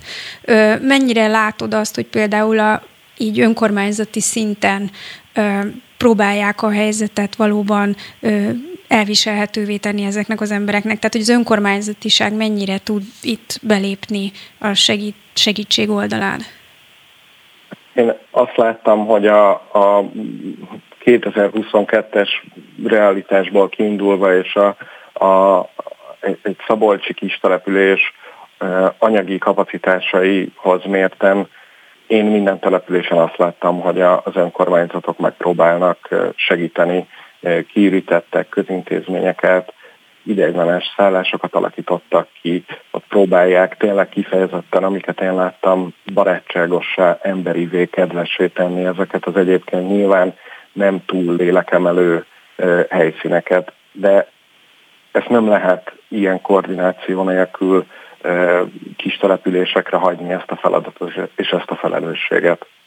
Emlékszem, hogy 2017-ben a Migration Ed megpróbált egy olyan ötletet megvalósítani, hogy Magyarországon legálisan tartózkodó és oltalmazott státuszt megkapó menedékkérőknek nyaralási lehetőséget biztosítson, és egyik település a másik után utasította vissza a megkeresésüket, sőt a Tolna megyei Őcsényben egy panzió tulajdonos meg is fenyegettek, hogyha bemeri fogadni ezeket a háború elől traumatizált családokat, akkor menekülő családokat, akkor, akkor hát megütheti a bokáját, és azt érzékelem, hogy most egy nagy változáson mentünk keresztül, tehát másképp viszonyulnak az emberek ehhez a háborúhoz, talán azért, mert itt van a szomszédunkban, miközben egyébként a 2015-ös menekült hullámnál is érezhető volt a civil aktivizmus, de most most kétszer akkora. Ez önmagában a kormány kommunikációján múlt, vagy, vagy mit látsz ebben? Az biztos, hogy számít, hogy mondjuk például 2015-tel ellentétben most nem hallani olyan kormányzati vagy egyházi megszólalásokat, hogy bűncselekmény segíteni ezeknek az embereknek, vagy hogy mindenféle életveszélyes betegséget terjesztenének ezek az emberek. Tehát az nyilván segít, hogy, hogy nem egy borzasztóan ellenséges közhangulatot generál a kormány, és ez, ez üdvözlendő, bár csak így lett volna máskor is. De szerintem egyszerűen az van, hogy a magyar társadalom arca az igazi magyar társadalom igazi arc, ez 2015 nyara, és az, amit most látni az ukrán-magyar határon, meg a különböző pályaudvarokon országszerte. Tehát ez a magyar társadalom, ez a, ez a fajta szolidaritás, ez a fajta odafordulás, ez a fajta segíteni akarás az, ami, ami igazából jellemző erre az országra, és nem a, a, a, a teljesen alaptalan gyűlölködés és, és az elesettekbe való belerugás. Ugye ez mutatja azt, hogy mennyire számít, hogy azok, akiknek egyébként lehetőségük van formálni a közvéleményt, azok ezt a lehetőséget mire használják ki? Gyűlölködésre, félelmek szítására, vagy annak a bátorítására, annak az elismerésére, hogy segíteni embertársainkon, az helyes és jó. Uh-huh. Nagyon szépen köszönöm Léderer Andrásnak, a Magyar Helsinki Bizottság menekültügyi programjának a munkatársának, hogy velünk tartott és megosztotta a gondolatait. Minden jót Köszönöm a lehetőséget, neked. viszont hallásra. Szia! És közben itt van a vonalban velünk Bőm Kornél, akinek köszönöm a türelmet, hogy itt várakozott, kommunikációs szakember, krízis kommunikációs szakértő. Köszönöm, hogy elfogadta a meghívásunkat. Nagyon köszönöm, kezdj csak Azért kerestük meg, mert itt többféle krízis kommunikáció is folyik egyszerre. Kezdeném először a magyarral. Hát egy kormánynak azt, hogy a szomszédjában háború tör ki, pláne egy olyan kormánynak, amelynek a korábbi külpolitikai orientációi éppen a háborús agresszor közelében ö, tudta le, hát nehéz ezt kezelni, ezt a nagy fordulatot.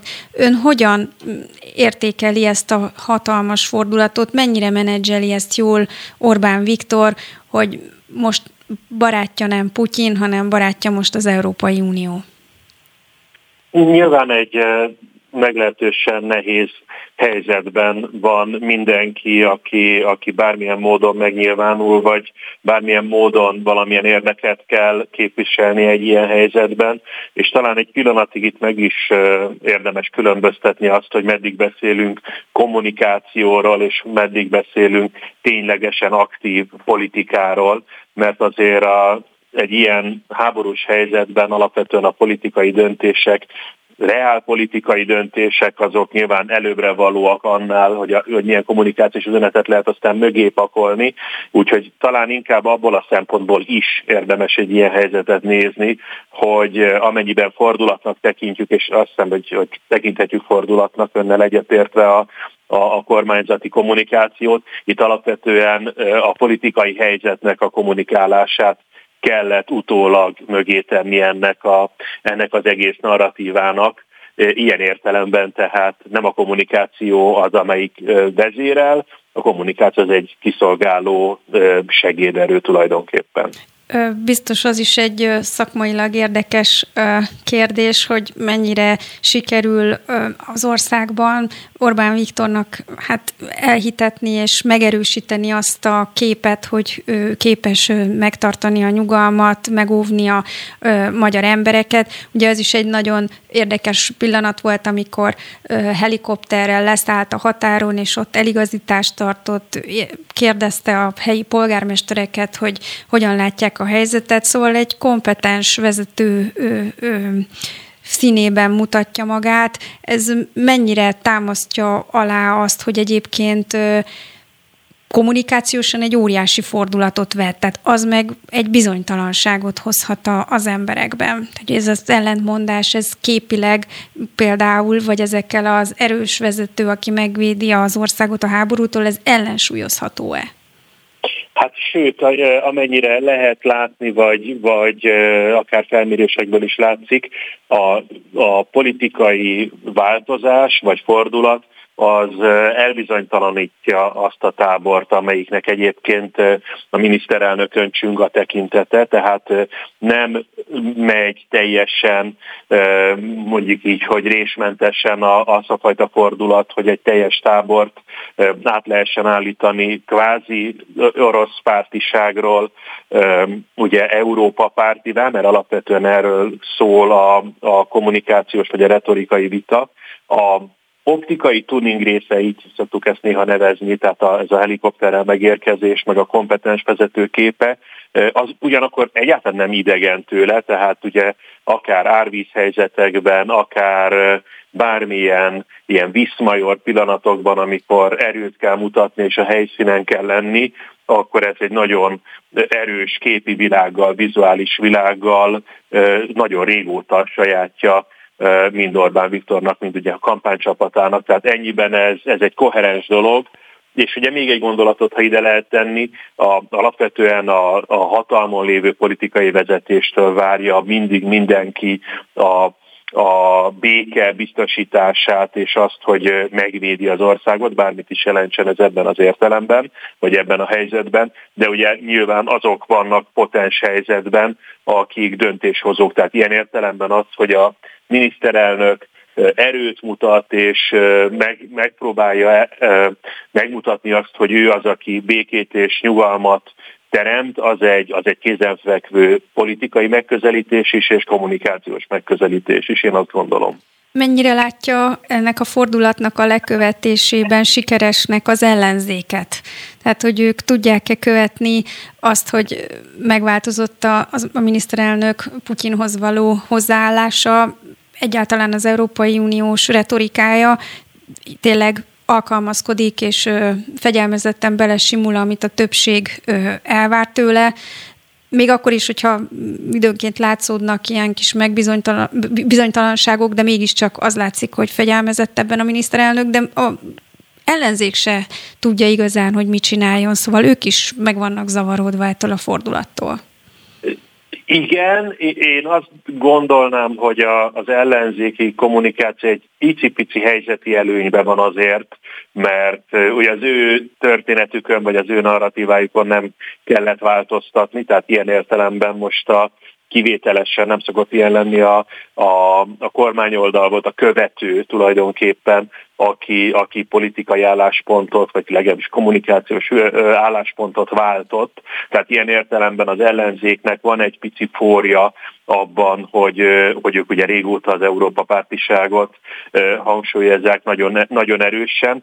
De én azt látom, hogy ezt elég tudatosan és jól tudja a saját javára fordítani az ellenzék azt hozzátéve egyébként, hogy egy olyan kampányhelyzetben, ráadásul ennyire közel a választásokhoz, amikor most vagyunk, tulajdonképpen bármilyen történés minden a kampánynak a része, nem hogy egy világtörténelmi jelentőségű, meg világpolitikai jelentőségű katasztrófa, mint amilyenben most vagyunk, de bármi egyébbe is megtalálják a a, a politikai ellenfelek azt a különbséget, amit fel tudnak mutatni, hogy mit hoz az egyiknek, meg mit hoz a másiknak a, a győzelme megválasztása. Tehát az, hogy próbálják pozícionálni magukat tulajdonképpen bármilyen helyzet kapcsán egymással szemben, az meg hát egy érthető törekvés egy ilyen helyzetben. Noha nyilván jobb szeretne mindenki legalább háborús helyzetben összefogást és teljes egyetértést, választási hetekben, hónapokban az gyakorlatilag kizárt.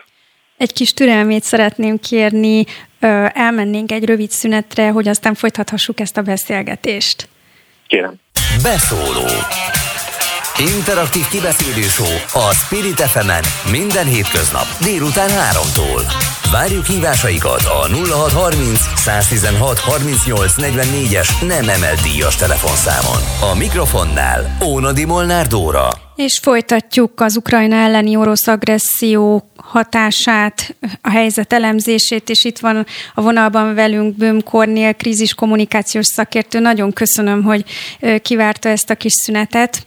És ott hagytuk abba, hogy rávilágított arra, hogy azért az ellenzéknek nincs könnyű dolga, mert egy ilyen háborús szituációban az emberek mégiscsak vágynak arra, hogy a nemzet egységben legyen, és ebben egymást támogassák az amúgy külön oldalon politizáló politikusok, és most mégis ugye a kampány miatt ezt nem tudja az ellenzék megtenni. Ön szerint ezt a hang, tehát keresi nyilván a hangját az ellenzék, bár előnyben volt az ellenzék a kormányhoz képest, hiszen következetesen Európa párti kommunikációt folytatott, és ö, orosz ö, barátságot kritizálták, tehát nem kellett, ö, hogy úgy mondjam, irányt váltaniuk, de mégis ebben a kihívásban, hogy ö, a háborús krízis miatt az emberek azt várják, hogy összetartsanak a politikusok ebben, meg tud-e küzdeni az ellenzék ezzel a kihívással, ezt jól csinálja ez ellenzék ön szerint? Ugye egy picit, vagy hát nem is annyira picit, ebben mindig van egy licit, hogy a jó dolgokat és a támogatható dolgokat nem csak elismeri az ellenfél, hanem ugye még magasabbra próbálja pozícionálni. Ugye ezt mindenben látjuk, a magasabb ért adnánk, ha mi lennénk kormányon, még jobban beleállnánk ebbe a helyzetbe, hogyha mi kormányoznánk. Tehát igazából ez a fajta közös nevező, ami, amiben, vagy mondjuk így, hogy ezek a közös pontok, amiben egyébként egyet tud ebben a jelenlegi pillanatban érteni a kormány és az ellenzék, itt is meg kell teremteni, és meg is teremti az ellenzék azokat a megkülönböztető jegyeket, amikre azt lehet mondani, hogy de annak ellenére, hogy most egy platformba kerültünk, mert ugye a kormány is józan belátással megértette, hogy milyennek a helyzetnek a realitása, mi máshogy, vagy jobban csinálnánk, vagy többet adnánk, többet tennénk ebben az ügyben. Ilyen esetekben ugye ezt a fajta különbözőséget kell meglovagolni, vagy, vagy feljebb srófolni. Ez egy jó fajta licit egyébként. Egy kicsit áttérnénk, vagy áttérnék a háborúval kapcsolatos kommunikáció elemzésére, ami a két felet illeti, tehát az ukrán és az orosz kommunikációs helyzetet elemezném ön segítségével. Az orosz dezinformációs gépezet elég hatékonyan működött az elmúlt években, és tulajdonképpen azt lehet mondani, hogy ők a kezdeményezők a kommunikációban is, nem csak a háborúban, és az elmúlt évekre ránézve azt látjuk, hogy statikus körülmények között működtek ugyan, de azért elég nagy hatékonysággal. És most épp a legfontosabb pillanatban, amikor ők elindították ezt a háborút, a saját szempontjuk szerint kellene ugye interpretálni a helyzetet, de ez abszolút nem jön nekik össze. Nem az a narratíva hat, amit a korábbi években fölépíteni véltek, ami nekik kedvező, tehát ez úgy tűnik, hogy csődöt mond. Senki nem áll ki mellettük. Akkor ezek szerint ez nem ilyen egyszerű, hogy ezt így kommunikációsan meg lehessen oldani. Hát egy fegyveres konfliktus, egy háború, és itt picit a beszélgetésünk elejére is visszautalok, ugye csak másodszorban kommunikációs ügy, én ugyan nagyon kíve vagyok természetesen a kommunikációs megoldásoknak is, meg a, a, annak a megközelítésnek, de hát itt alapvetően nem egy kommunikációs ütközetet akar megnyerni egyik fél sem, hanem egy húsvér ütközetet, háborút. Nyilván a a védekező félnek, és ebbe nagyon erőteljesen és jól teljesít a, az ukrán miniszterelnök is, meg az egész kormányzat, tehát ezt a fajta kommunikációs szimpátia küzdelmet mindenképpen megnyeri, miközben ugye nem pont azon a területen kell a, a fő győzelmet aratni. Én azt gondolom, hogy a, a, az orosz dezinformáció, ami, ami tényleg nagyon sokszor sok erőt mutatott, gondolhatunk például a Trump megválasztása körüli ügyeskedésekre. Ezek, ezek hoznak eredményeket, Nyilván azért annyira sokan nem befolyásolhatóak talán, hogy, hogy teljes mértékben megfordítsa mondjuk a közhangulatot, pláne az európait, de hát azért akár ha a magyar Facebook tartalmakat nézzük, azért agasztóan sokan rezonálnak a, a putinista propagandának a kommunikációs paneljeire. Tehát az, hogy teljes csőd vagy teljes kudarc lenne, azt én sajnos nem merném mondani, jobban örülnék, ha igen, de, de hát nyilván azért egy teljes kontinensnek, vagy a világ nyugati részének a szimpátiáját nem lehet csak dezinformációval megszerezni, mint hogy, mint hogy a, a, a reálpolitikai rész meg a rögvalóság az teljesen más képet mutat. Ön, amikor az ukrán félnek a megnyilvánulásait látja, ön mennyire lát benne tudatosságot? Ezek nagyon improvizatív kommunikációk, vagy nagyon, nagyon is érezhető, hogy van benne tervezés, kiszámítják, hogy mikor mi történjen, mondjuk úgy, hogy spin, spin doktorokkal dolgoznak? A, kívülről úgy tűnik, hogy, hogy a rögtönzésnek abszolút nincsen jele, hanem egy nagyon tudatos és okos stratégia mentén látom felépítve az üzeneteket. Egy, egyáltalán a, a, akár a vizuális hatás, a megjelenés is olyan, hogy, hogy egyrészt oda kell rá figyelni, másrészt pedig ugye ösztönösen az ember szimpátiát érez. A, amiben én látom a, a tudatos tervezést, azok például a, a gyakorlati követelések, tehát például most, amit a hírekben is hallhattunk, a, a feles hírekben az Európai Uniós csatlakozásnak a felgyorsítása és sok egyéb követelésük, amik, amik abszolút indokoltak és időszerűek, ezek nagyon okosan vannak felépítve, egymásra építve, és valószínűleg véghez is fogják vinni ezeket, tehát én mindenképpen egy okos tervezést vélek mögötte felfedezni.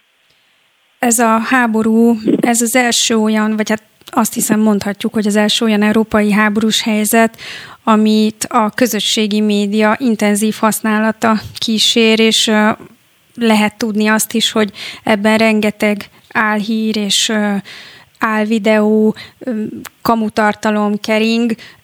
Hogy, hogyan látja, hogy ezeket az eszközöket mennyire használja az egyik fél, és mennyire a másik fél? Gondolok itt arra, hogy ez a Kígyó-szigeteki akció, ez nem volt teljesen átlátható vagy transzparens, hogy ott pontosan mi történik, tehát hogy ezt használja-e az orosz félen kívül az ukrán fél is, hogy befolyásolja a közvéleményt? Úgy tűnik, hogy, úgy tűnik, hogy igen, de a, a közösségi médiának a használata ugye ez egy ezerfejű, vagy hát milliárdfejű valami, hiszen a, a, az okos készülékeknek a korában ugye nem csak egy helyről, ez egy nagyon nagy különbség egy háborús kommunikációban most, meg a 20 évvel ezelőtti helyzethez képest, hogy ugye mindenkinek a kezében ott van a, a rögzítésre alkalmas eszköz, mindenki fel is tölti, tehát most már nincsen annyira, vagy nem lehet annyira központosítva egy pláne vizuális kommunikáció, ami korábban mondjuk csak az éppen bevonuló hadsereg kezében volt, és ilyen módon még sokkal több multiplikátor hatása van annak, hogy egy-egy álhírt megszerkeszt valaki, és adott esetben ez nem a, az Ukrán Védelmi Minisztériumnak a pecsétjével kerül ki a, a netre, hanem mindenki ezerrel tudja feltenni a tartalmat, és igen, ez még nagyobb, még nagyobb zavart okozhat, és persze hát ne legyünk naívak, ezt mind a, mind a két fél tudatosan is használ, elterelő, elterelő hadműveletként információs vagy dezinformációs eszközöket, például azért, hogy ne lehessen tudni, hogy éppen ki hol tartózkodik, vagy hova fókuszálnak, vagy, vagy mik a tervek. Ezeket az ilyen elterelő hadműveletekkel, ami akár egy kommunikációs dezinformáció lehet, meg lehet oldani, vagy támogatni lehet legalább. Ez egy kicsit mellékszál, de hát ha tud rá válaszolni, hogy hogyan tudunk védekezni egyébként az ellen, hogy ezek a dezinformációk, vagy esetleg ilyen álhírek manipulált videók, amelyek így a közösségi médiában előkerülhetnek, azokról megállapítsuk, hogy hát itt valami kamuszag van. Uh-huh. Uh, hát talán az uh, változatlanul még nem kopott el az az aranyigasság, amit a, a magára adó médiában már régóta üznek, hogy két független forrás kell ahhoz, hogy valamit objektív hírnek fogadjunk el. Nyilván ezt magánemberként vagy hírfogyasztóként ugye nehéz megtenni, hogy akkor most a Kígyó szigetről érkező beszámolók az most két független forrás küldte, vagy nem, de minden esetre a józan forráskritika, akkor inkább így mondom, és a másik, hogy ne osszunk ész nélkül tovább dolgokat, tehát ne legyünk mi is eszköze annak, hogy hogy bizonytalan hitelességű híreket mondjuk tovább, továbboztunk, tovább multiplikálunk, mondjuk ennyiben mi is tudunk fegyelmezetten viselkedni. Hogyha nem is tudjuk megállapítani valamiről, hogy az valós-e vagy nem, legalább ne mi legyünk az a csatorna, aki még tovább terjeszti. Uh-huh. Itt ugye a Kigyó-szigeteki képek előkerültek, fiatal hallgatók kedvéért nem mondom ki, hogy ott mit üzentek Putyinnak a szigetvédői, de például ön szerint az egy tervezett kommunikáció volt, hiszen utána tulajdonképpen ö, szimbolikus képként is ment keresztül a, a sajtón, és hogy a, azok a mondatok is így a fülünkbe csengerek. Ez egy tudatos tervezés, vagy ez abszolút spontán lehetett? Ugye az a, nem mondjuk ki, hogy, hogy mit írtak vissza a hadihajónak, de én azt somolyogtam, hogy három különböző fordítás volt három nagy magyar hírszájton, tehát nincs is egységes megítélés, hogy, hogy ez pontosan mit jelentett. Nyilván a tartalmát tekintve igen. Én ezt szeretném hinni, hogy ez egy teljesen spontán dolog volt, egy sokkal szebb, méltóbb és izgalmasabb pillanat lenne, hogyha, hogyha ez egy őszinte spontán reakció lett volna, egy nagyon méltó és szép pillanata ennek a, ennek a rettenetnek, úgyhogy én, én nem gondolnám, hogy ez egy, ez egy propaganda fogás vagy propaganda lépés lenne. Az, hogy stilizálták aztán ilyen, ilyen magasfokú történeti, az már, az már egy tudatos propaganda ö, dolog, ö, nem feltétlenül negatív értelemben, de azt gondolom, hogy maga ez, a, ez az üzenetváltás, ez valószínűleg így lehetett. És már egy utolsó kérdést engedjen meg, hogy mennyire van szerepe annak, hogy kik állnak egymással szemben képileg is, vagy ez ilyenkor teljesen irreleváns egy ilyen krízis helyzetben, mint a háború. Hát ott van egy, egy fiatal, jóképű fickó az egyik oldalon, és ott van a másikon egy kicsit anakronisztikus figura, az egy, hiába, hogy néhány évvel ezelőtt még félmeztelenül lovagolt, és próbált magából erőt árasztani, vagy a, a kinézetével üzenni a világnak, hogy ő mennyire erős. Most inkább egy ilyen ö, megrodjant ö, figurának tűnik.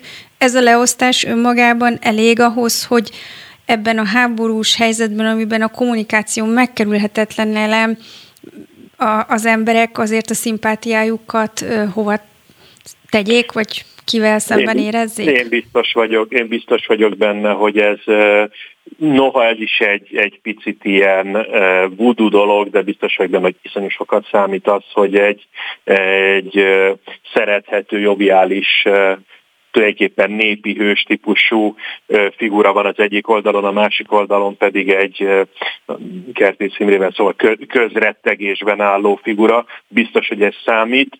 Megint utalnom kell a beszélgetésünk elejére, hogy a, a, a valóságot ugye fegyverek meg rakéták írják, és képfegyverek ebben az ügyben, és nem a kommunikáció. A kommunikáció az egy minden esetben egy kiszolgáló tevékenység, de a közvélemény és a, például a, a támogatások küldése és a szimpátia tüntetésekben biztos, hogy ez, ez egy nagyon-nagyon fajsúlyos kérdés. Nyilván az is az lesz, és már tényleg ez az utolsó gondolatom, hogy amikor fedezékben katonák szelfit készítenek, meg videókat, miközben lövik őket, azért ennek is van egy nagyon, ugye ennek a real-time tudósításnak, hogy berántja a fogyasztókat, a tartalomfogyasztókat abba az éles helyzetbe, hogy annak is van egy szerepe. De ezt ugye mind a két oldal használja, az orosz katonák is, meg az ukrán katonák is. Látott-e a kett tehát, hogy, hogy, hogy ők hogyan, kik hogyan használják ezt a kommunikációs eszközt, vagy ebben nincsen különbség?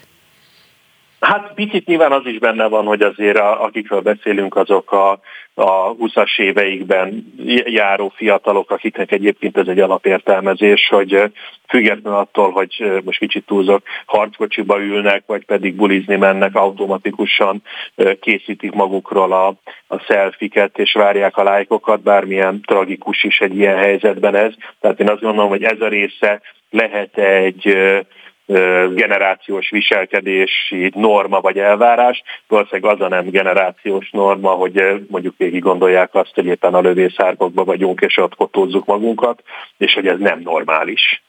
Nagyon szépen köszönöm Bőm Kornél kommunikációs szakembernek, krízis kommunikációs szakértőnek, hogy erről a speciális aspektusról beszéltünk, mert akárhogy is nézzük, ez a háború mindkét oldalon ö, propaganda elemekkel van tele, és fontos, hogy el tudjunk igazodni közte, és köszönöm az elemzését. Minden jót kívánok! Nagyon szépen köszönöm, Kezi Csakalam, köszönöm, viszont a vonalban üdvözlöm Mészáros Antóniát, az UNICEF Magyarország bizottságának vezetőjét. Szervusz Antónia, régi barátságunkra való tekintette tegeződünk itt a műsorban. Szervuszból én is köszöntöm a hallgatókat. Az UNICEF kiadott egy közleményt, hogy aggódva figyelik, hogy mi történik az ukrán térségben, amióta a fegyveres konfliktus eszkalálódott, mert ugye ez a fegyveres konfliktus már régóta elkezdődött abban a térségben. Milyen szükségletekre figyel oda az UNICEF? Hány gyerekre figyel oda az UNICEF? Hány munkatársal vannak jelen? Lehet-e ilyesmiről tudni? Mit jelent ez a figyelem, ez a fokozott figyelem most ebben a helyzetben? 25 éve van jelen az UNICEF, mint szervezet Ukrajnában és segíti a lakosságot, de ezen belül 8 éve, tehát a fegyveres konfliktus kezdete óta humanitárius munkát végez. Elsősorban a keleti országrészben volt ez lényeges ugye az elmúlt időszakban, és amióta eszkalálódott a helyzet február 24-e után, azóta azon dolgoztak éjjel-nappal a kint lévő munkatársaink, hogy a vészhelyzeti programjainkat minél jobban fel tudják pörgetni, újakat indítsanak, minél több embert érjenek el segítséggel. 140 munkatársunk van jelenleg az országban, és folyamatosan igyekszik bevinni az újabb és újabb szakembereket a szervezet, amilyen tudásra éppen szükség van. Nagyon nagy a, a szükség érdekes módon az ivóvízre, ezt lehet, hogy sokan nem gondolnák, hogy egy háborús helyzetben, amikor az infrastruktúra megsérül, akkor például vízhiány alakulhat ki, tehát tiszta, biztonságos ivóvíz az egyik, amit el kell Ez tényleg a nem jutott eszembe első kérdésként, hogy az a legsürgetőbb Hát bizony igen, ráadásul ugye most olyan típusú infrastruktúra is sérült, aminek következtében áram és szítés nélkül maradnak emberek. Ugye sokan óvóhelyekre mennek eleve, hozzájuk időnként el kell jutatni meleg ruhákat és takarókat is, de higiéniai felszerelést és csomagokat, elsősegélycsomagokat és egyéb vészhelyzeti felszerelést is vissza az UNICEF rászorulóknak, illetve a traumatizált gyerekekkel is kell valamiképpen segíteni abban, hogy fel tudják dolgozni ezt a helyzetet. Ilyen típusú munkát az elmúlt években is végzett a szervezet, akkor a keleti országrészben most kilenc úgynevezett mobil csapat járja az országot, aki próbál segíteni a gyerekeknek, a gyerekek családoknak elemelkedve egy kicsit az ukrán helyzetről, amikor ilyen ö, sokkos állapotban lévő gyerekeknek ö, szükséges segíteni, az, az milyen típusú munka? Az nyilván ennek van egy erős pszichológiai tartalma, de ez hogy néz ki? Hát ennek valóban nyilván olyan szakmai tartalma van, ami azt is feltételezi, hogy szakemberek végzik ezt a feladatot. Az UNICEF működtet például egy úgynevezett kék pont hálózatot, ezt most építik ki Ukrajnában és a környező országokban is, ami azt jelenti, hogy biztonságos tereket hoz létre a családok számára, ahova például egy menekülésben lévő család is, vagy egyszerűen csak egy valamilyen katasztrófa vagy nehezített helyzetben élő család is betérhet, és itt mondjuk ebben az esetben tudjuk, hogy az utolévő embereknek legalább a fele gyerek, jellemzően nők és gyerekek menekülnek, Gyakran Már csak azért is, mert most nem is engedélyezik uh, Ukrajnában a hatköteles korú férfiak. Így van. Igen, ennek az eredménye egy kísérő nélkül gyerekek is úton vannak, illetve nők gyerekekkel. Egy-egy ilyen kék ponton, biztonságos környezetben tudhatják magukat, kapnak információt is, és pszichoszociális segítséget az UNICEF képzett munkatársaitól.